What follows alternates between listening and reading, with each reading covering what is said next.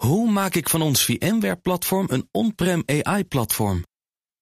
Lenklen, NVIDIA AI Enterprise Partner. Lenklen, betrokken expertise, gedreven innovaties. BNR Nieuwsradio. Digitaal. Jo van Buurik. Welkom bij BNR Digitaal. Straks duiken we in de digitalisering van onze nationale cultuursector. Zet dat eigenlijk een beetje door na twee jaar aan corona-lockdowns. En we gaan het belangrijkste nieuws uit de game-industrie doornemen, want die sector heeft net weer de belangrijkste week van het jaar achter de rug. Maar eerst moeten we praten over Google en dan vooral de divisie voor kunstmatige intelligentie. Want een medewerker daar, Blake Lemoyne, is nu op non-actief gezet omdat hij de media opzocht om te vertellen dat de AI van Google zelfbewustzijn heeft ontwikkeld. En dan gaat het om Lambda, een soort zeer geavanceerde chatbot.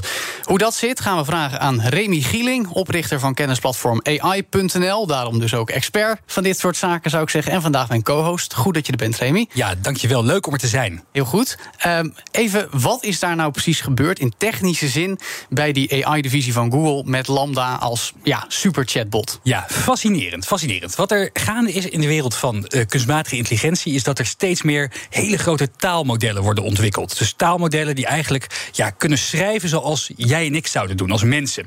Die taalsystemen zijn getraind op, nou ja, uh, die hebben het hele web afgezocht uh, om te leren hoe wij mensen met elkaar communiceren. En die hebben in de achtergrond, zeg maar onder de motorkap, hebben ze soms wel honderden miljarden parametertjes, radartjes, waarmee ze dus kunnen voorspellen wat voor tekst ze zouden moeten geven. Wat wij het liefst van ze zouden verwachten.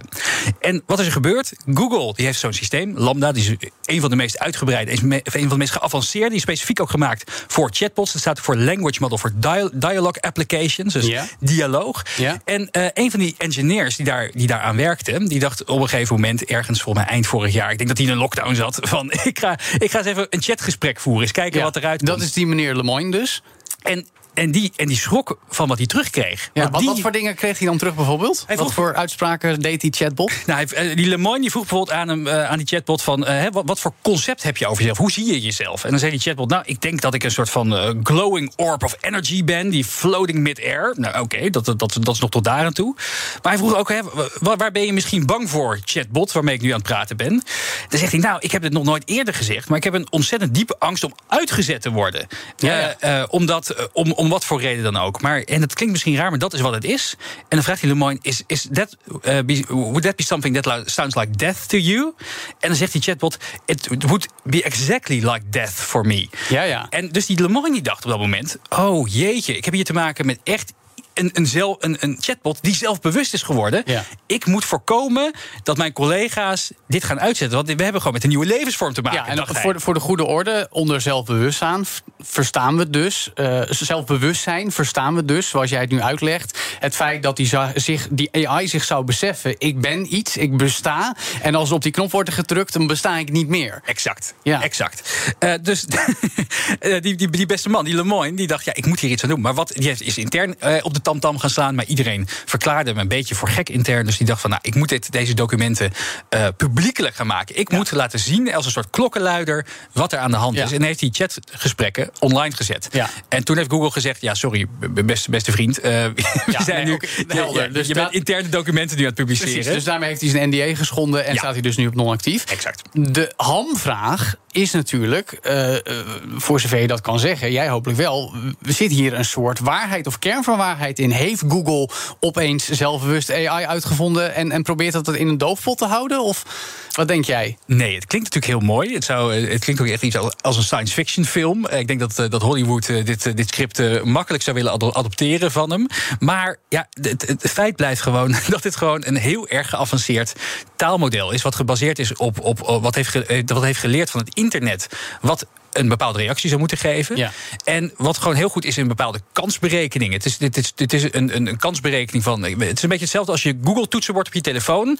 Hè, van eh, eh, schat, ik ben vanavond. Dat hij misschien gaat zeggen wat later. Ja. Eh, alleen doet hij dat niet met twee woorden, maar met hele alinea's. Ja, precies. Want voor de goede orde, eh, ook het voeden van die AI, dat gaat om het aanleren van patroonherkenning. hè? Patroonherkenning, ja. Precies, dat, is, dat is het toverwoord.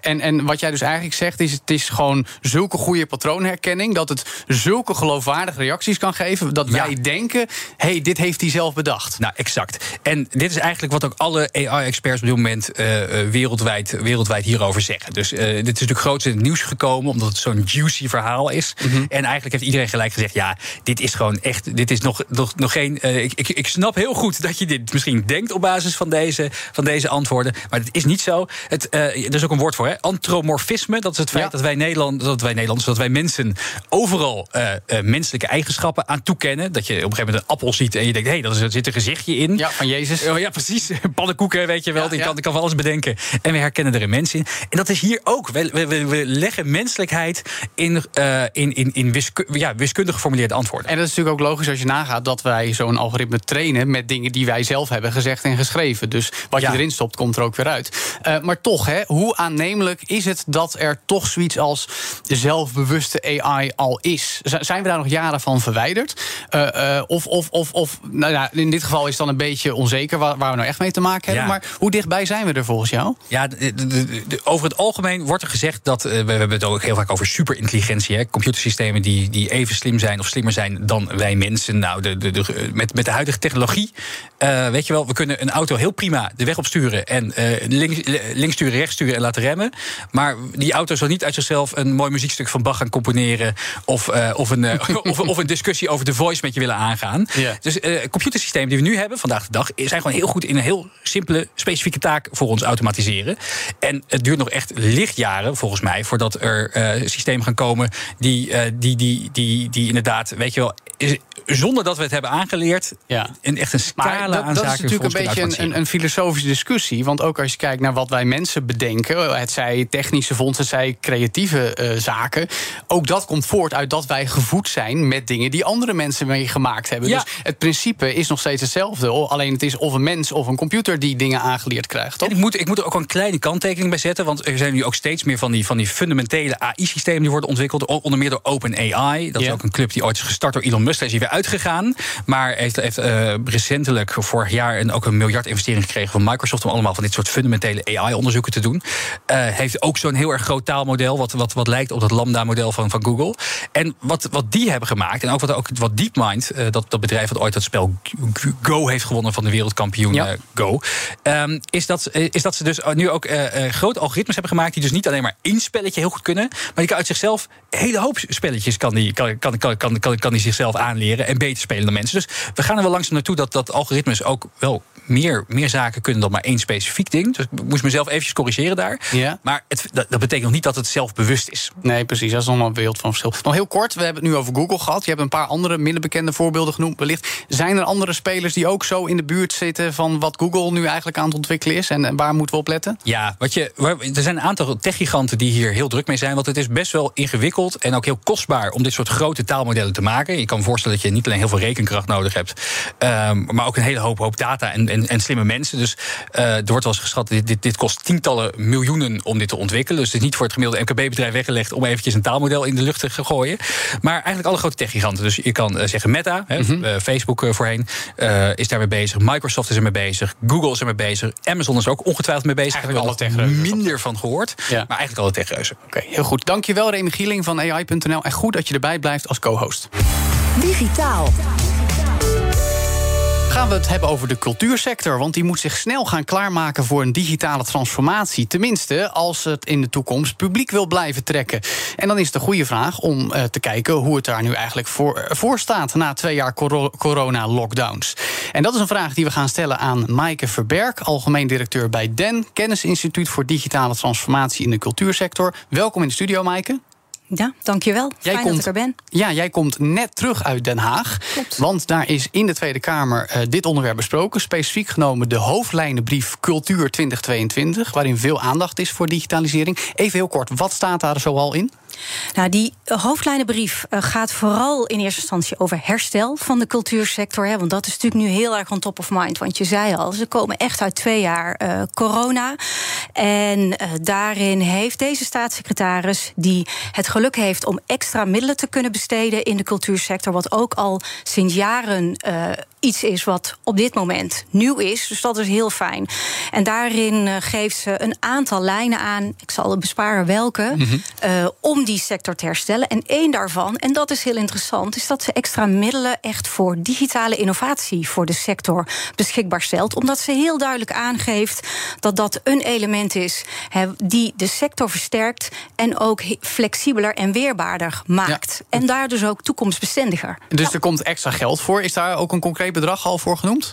Ja, er zijn verschillende bedragen. Uh, er is een bedrag, uh, een verzamelbedrag van 5,1 miljoen.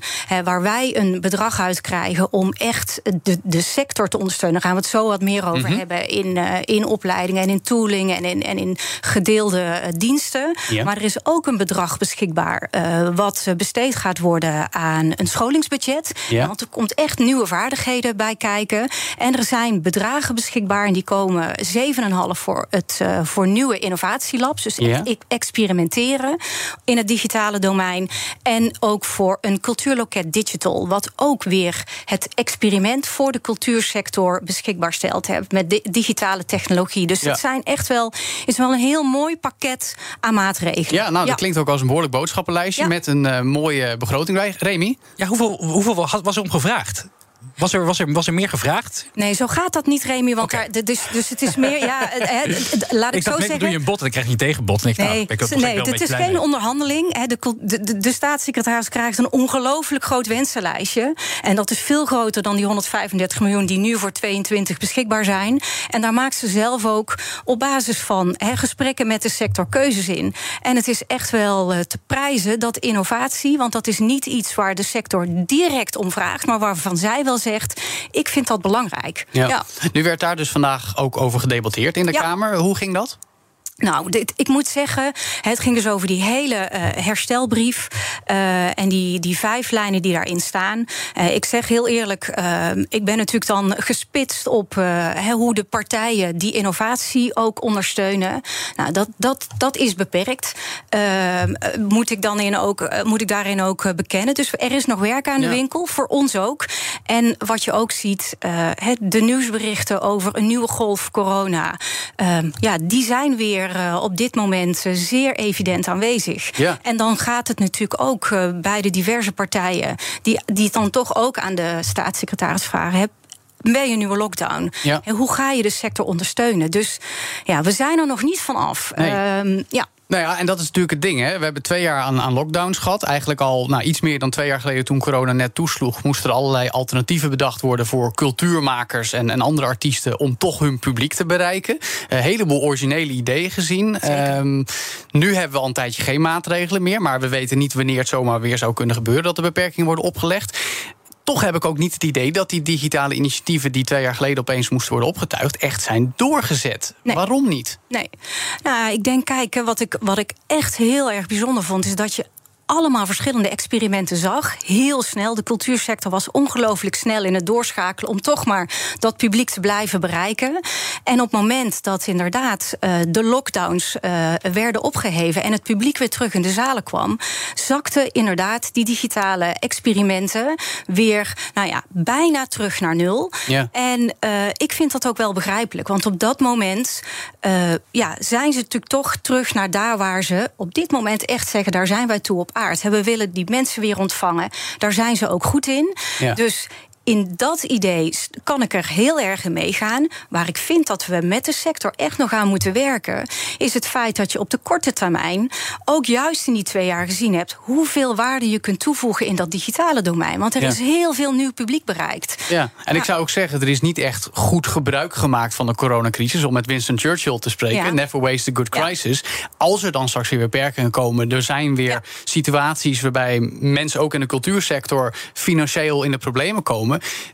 is het dan hun eigen schuld dat ze niet alsnog weer met, met innovatie aan de slag zijn gegaan? Nee, ja, daar kan je twee dingen op vinden. Kijk, je kan je geld natuurlijk maar één keer uitgeven. En ook gewoon voorstellingen op de planken brengen of exposities organiseren kost ook geld.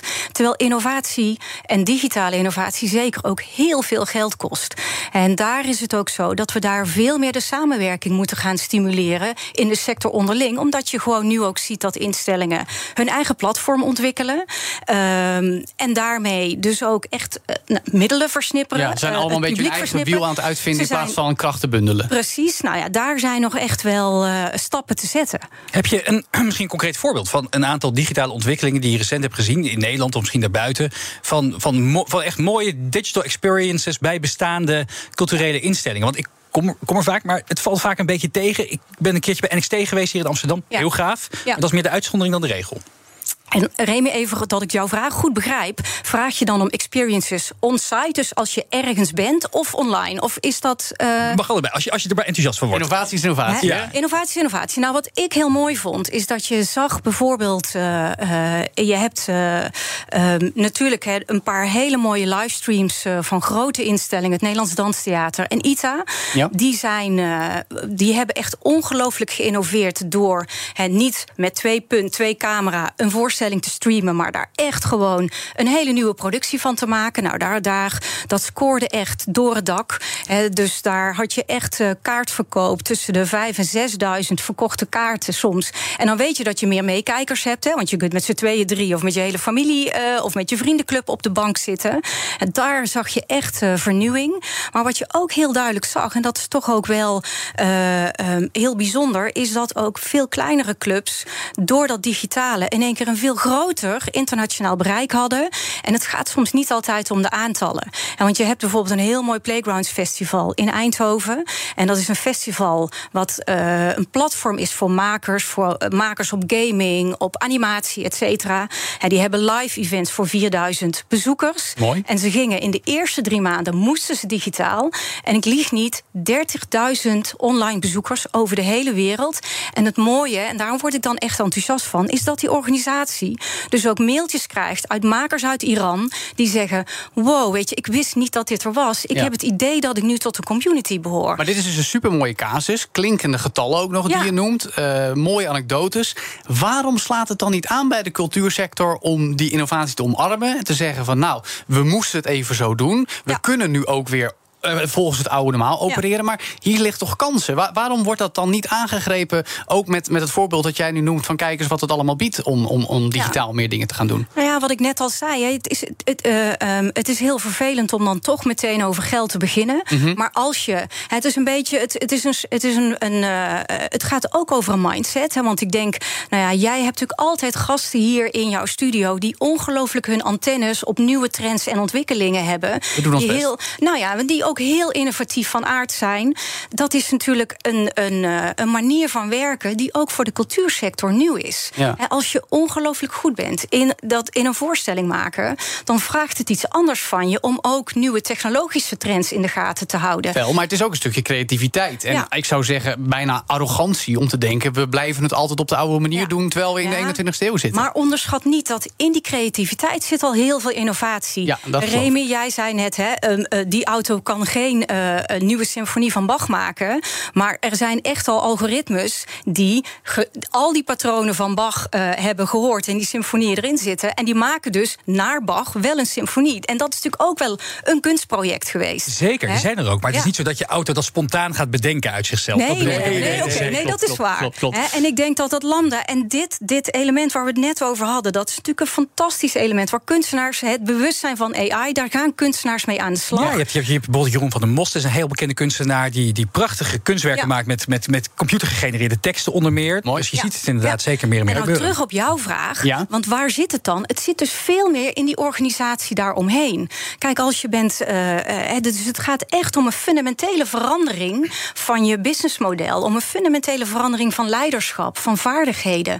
Dat heb je niet 1, 2, 3 veranderd. Nee. Dus, ehm, eh, dus dat is een element. En een ander element gaat natuurlijk ook inderdaad over. Ja, zijn er extra middelen beschikbaar? Ja. Omdat je, eh, als je van de overheden, waar je vaak door gesubsidieerd wordt, want er is hier gewoon echt een goed subsidiestelsel in Nederland. Maar als de overheid blijft zeggen, je moet wel drie grote zaalvoorstellingen blijven maken, Ja. dan is er geen ruimte om te innoveren. Nee. Dus ze moeten ook die ruimte krijgen. Ja, dat zijn En- natuurlijk ook een beetje de verkeerde doelstellingen dan eigenlijk. Als ze zeggen dat moet bereikt worden met dit bedrag, Ja. dan, dan, dan is er niet mogelijkheid. Tot slot nog even heel kort. Er komt dus extra geld, bijna Ja. 13 miljoen voor Ja.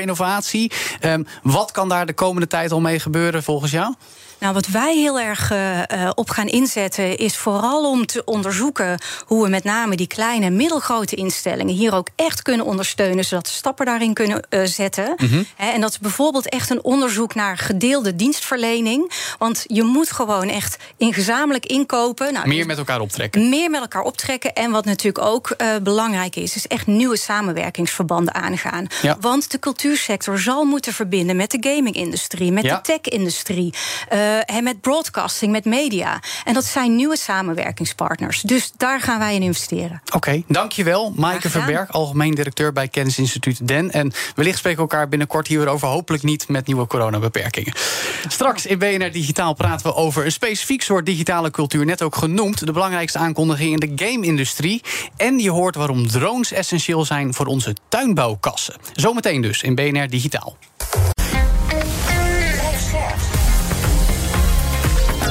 Nieuwsradio. Digitaal. Jo van Buurik. Welkom terug bij BNR Digitaal. Zometeen hoor je wat Microsoft en Netflix met elkaar gemeen hebben op het gebied van het laatste videogame nieuws. Maar eerst gaan we het hebben over glastuinbouw. Want daarin is Nederland een belangrijke speler op wereldniveau.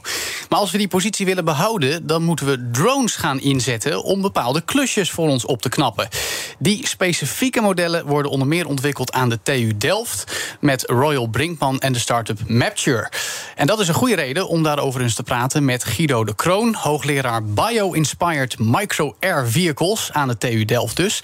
Welkom in BNR Digitaal, Guido. Hoi, hoi. Wat moeten we ons voorstellen bij die Bio-Inspired Micro-Air Vehicles? Ja, dus uh, kijk, wij kijken naar drones in de glastuinbouw. Hè, omdat uh, een aantal dingen in die kassen moeilijk te zien zijn. Bijvoorbeeld uh, plagen die ontstaan of ziektes. En als de teler erachter komt, is het al vaak zo laat dat er heel veel planten geruimd moeten worden. en we, willen dus, we hebben dus drones gemaakt die rond kan vliegen in zo'n kas om plaatjes te maken, zodat een teler daar veel sneller achter komt. En als je dus vraagt van wat moet ik me daarbij voorstellen, dan zijn het dus ja, kleine drones die heel veilig zijn en die af en toe uit een doosje opstijgen, rondje vliegen, foto's maken en weer landen in dat doosje om op te laden en plaatjes door te sturen. Ja, dat is een stukje surveillance. En als je zegt kleine drones, hoe, hoe klein moet ik me dan voorstellen in afmetingen? Op het moment uh, is de drone zo rond de 30 centimeter uh, groot. Uh, en naar de toekomst toe, ja, de lange toekomst zullen we echt naar insectgrootte. Maar voorlopig zal het meer rond de 30 centimeter zijn. Ja, precies. Hey, en hoe verschillen die bio-geïnspireerde drones van de drones die we al kennen? Zit daar heel veel op en aan wat anders is dan het fenomeen zoals het niet in de glastuinbouw wordt gebruikt? Ja, dus zeg maar, kijk, wij focussen op kleine drones, omdat ze veilig zijn voor mensen. Dus de mensen in de kast hoeven ook niet hun gedrag aan te passen aan de drone. En ze zijn zo klein en licht dat zelfs als alles fout mocht gaan, uh, ja, levert dat geen schade op aan de mens. Uh, zeg maar als die tegen iemand zou aanvliegen of zo. Mhm. Daarnaast uh, is het belangrijk dat ze klein zijn, omdat ze dan niet te veel lucht naar beneden duwen op de planten. Dus de planten hebben er ook geen last van. Um, maar ze moeten natuurlijk wel zelf vliegen. Want mensen kennen drones natuurlijk vooral van iemand die dan met zijn apparaatje in zijn handen staat om hem te besturen. Uh, dat moet hier natuurlijk niet het geval zijn, want ja, de teler die is vooral geïnteresseerd in de plaatjes. En die moet niet lastiggevallen worden met ja, zo'n drone te moeten besturen. Ja. dus zo'n drone moet helemaal zelf vliegen.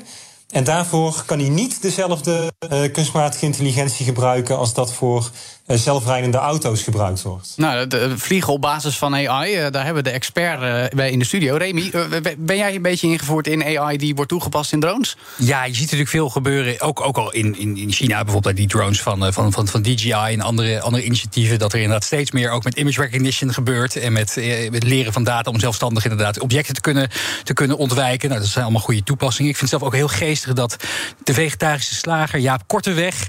die, uh, die heeft uh, onlangs geïnvesteerd... ook voor mij een Delftse start-up, ik weet even niet helemaal uit, uit, mijn hoofd. die heet Pats. Heel ja. leuk, want die, uh, die, die drone die gaat achter vliegen aan. Of in ieder geval oh, ja. vliegende insecten, begreep ik. Ja. Vond ik ook alweer uh, heel geestig. Ik denk dat er, dat, dat er heel veel kansen zijn. Wat ik me wel even afvroeg is... Um, uh, wat is het grote voordeel ten opzichte van het door mensen laten controleren... hoe het met die, met die, met, met, met die planten en gewassen ervoor staat? Want even voor mijn beeld, het zijn denk ik hele grote uitgestrekte kassen hè, waar we het over hebben. Guido? Inderdaad. Dus uh, bijvoorbeeld op het moment uh, hebben we dus zo'n uh, doos met een drone erin hangen in een kast van Gerbera United. En ja, die, die, die telen dus bloemen, Gerbera's. En nou ja, ik weet niet of je wel eens in zo'n kast geweest bent, maar zeg maar, je kunt gewoon niet midden in dat veld kijken als ja, mens. Ja, zeker. Ik weet het. Tenzij je echt al die bloemen platstampt. dus er zijn echt ja, plekken waar die drone makkelijk kan komen, waar je als mens eigenlijk niet eens kunt kijken.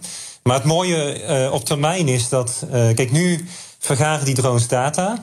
Maar die uh, grote data die wordt straks door experts van bijvoorbeeld Royal Brinkman gelabeld. Dus zij gaan die plaatjes bekijken en zeggen: hé, hey, ik zie daar een ziekte. Of hé, hey, die bloem is rijp. Of hè, dat soort dingen allemaal. en daar kan dan een kunstmatige intelligentie van leren. He, dus dan krijg je een kunstmatige intelligentie op een server ja. die die plaatjes automatisch kan verwerken. Maar op uh, iets langere termijn kan er ook weer zo'n kunstmatige intelligentie in de drone zitten. Hè, die naar onder kijkt en ziet van hé, hey, dat ziet er verdacht uit. Laat ik eens iets dichterbij gaan vliegen, wat meer plaatjes maken op hogere resolutie. Ja. En dus dat is eigenlijk het plan naar de toekomst. Dat klinkt sowieso heel erg interessant. Hoe ver zijn we dan nog verwijderd van een situatie waarin drones, nou, misschien op een gegeven moment echt wel al die waarnemingstaken in een kas over kunnen nemen? Dat je misschien, en je hebt natuurlijk ook geautomatiseerde sproeiinstallaties, dus uh, dan hoeven niet meer dagelijks mensen in zo'n kas rond te lopen, stel ik me voor, Guido.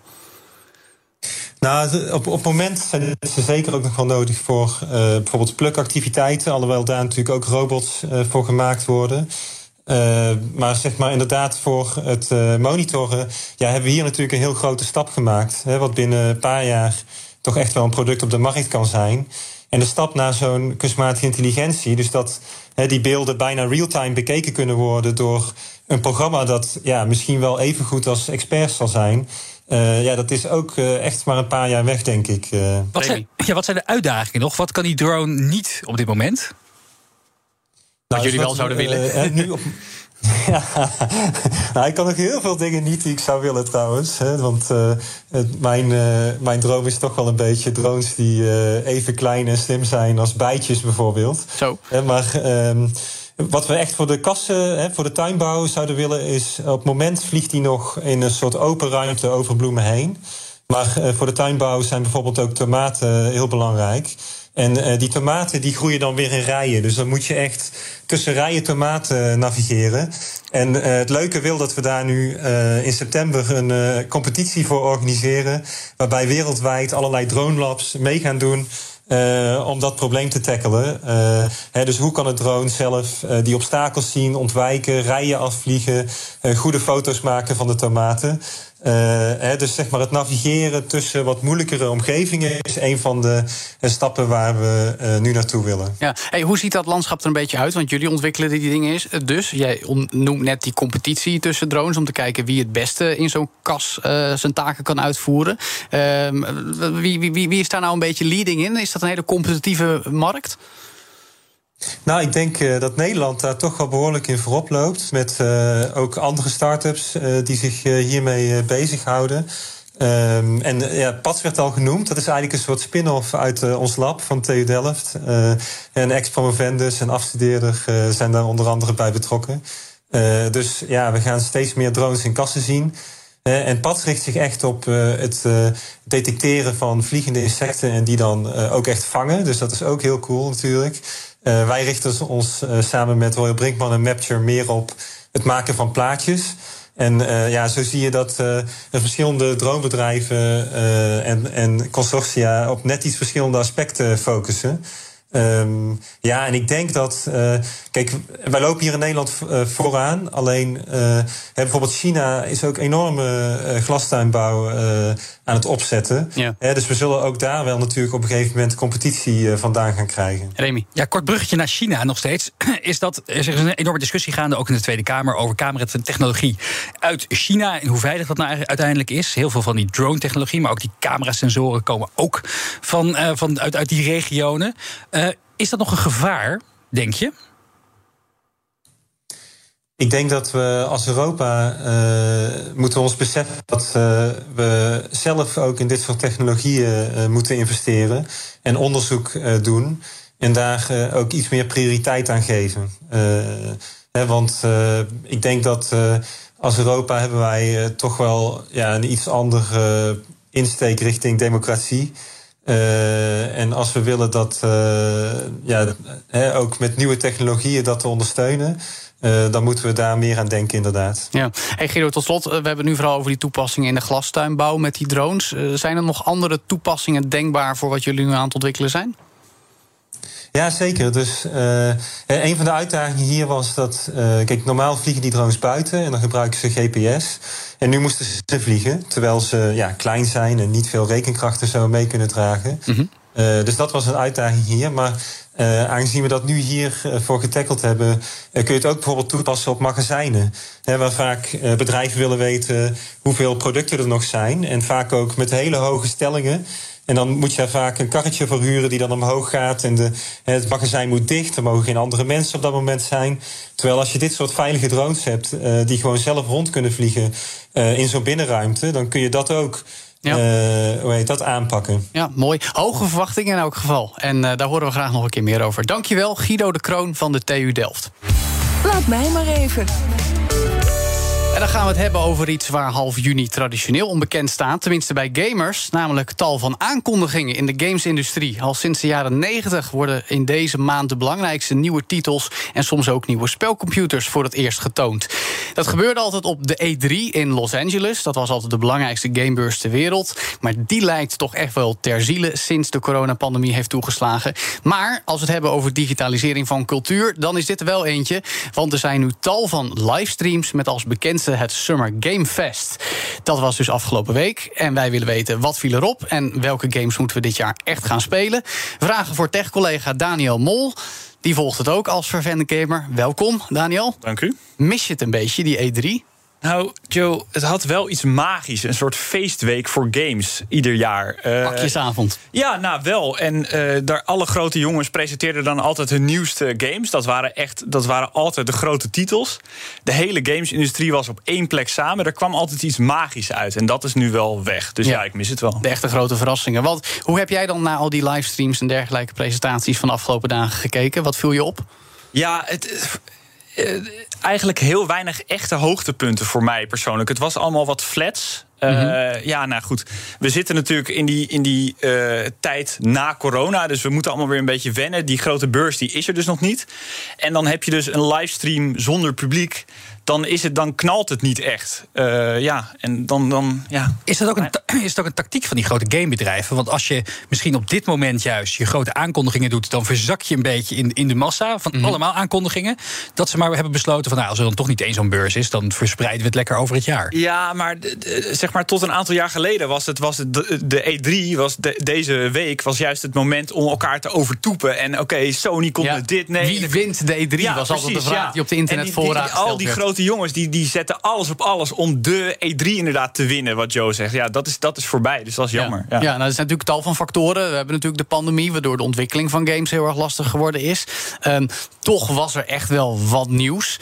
Um, wat was voor jou nou de belangrijkste aankondiging? Nou, de, absoluut niet. Eh, de mensen moeten begrijpen, absoluut niet. Dit was niet de belangrijkste aankondiging van die hele beurs. Maar, ik maar voor heel, jou? Ik ben heel erg enthousiast over Stormgate. Ja. Uh, nou, dat is een, een, een, nieuwe RTS. Een RTS is een real-time strategy game. Een strategiespel waarbij je uh, van boven aanstuurt. Hè? Dorpjes bouwen, leger bouwen en elkaar verslaan. Ja. Um, dat is heel lang weg geweest. De laatste grote RTS was StarCraft 2. Ja.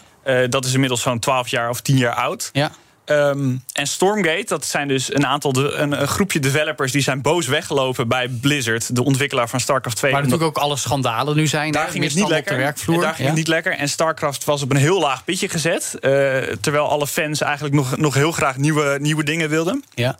En die mensen bij Stormgate, bij Frost Giant Studios, zo heet het bedrijf, hebben wat investeerders gezocht en zijn een nieuwe RTS gaan bouwen. Nou ja, die is dus uh, aangekondigd afgelopen week. En dat ziet er, ja, het is allemaal nog heel nieuw en heel pril. Alleen het ziet er wel veelbelovend uit. Maar dat is dan vooral omdat het de, de originele makers van die hit van vroeger zijn. Die nu iets nieuws gaan maken. Dus hun ja. gedachtegoed verder doortrekt. Ja. Nou, dat snap ik. Remy, heb jij het een beetje gevolgd? Zit er iets van jouw ganing bij tussen al die nieuwe game-aankondigingen? Weinig. Ik heb, ik heb weinig ervan meegekregen. Toen je het van de week zei dat we het hierover zouden gaan hebben, dacht ik, oh ja, dat was er ook nog. Dus inderdaad, voorheen heb ik er altijd wel van meegekregen. Dus ik erken hier volledig dat het niet diezelfde Houzanne heeft als Ja, maar voorheen. dat zegt dus wel wat. Dat het iemand zoals jij, die ook van een goede game houdt, dus niet bereikt heeft. Nee, omdat dat- E3 niet meer is. En de, de, de alternatieven dus niet de impact op jou maken. Het zij omdat het de alternatieven zijn. Het zij omdat er gewoon niet echt een grote aankondiging bij zat. Ja, normaal gesproken, weet je, zie je inderdaad wel wat via de sociale media... of komt er in je Google Newsfeed komt, er, wat, wat, komt er wat voorbij.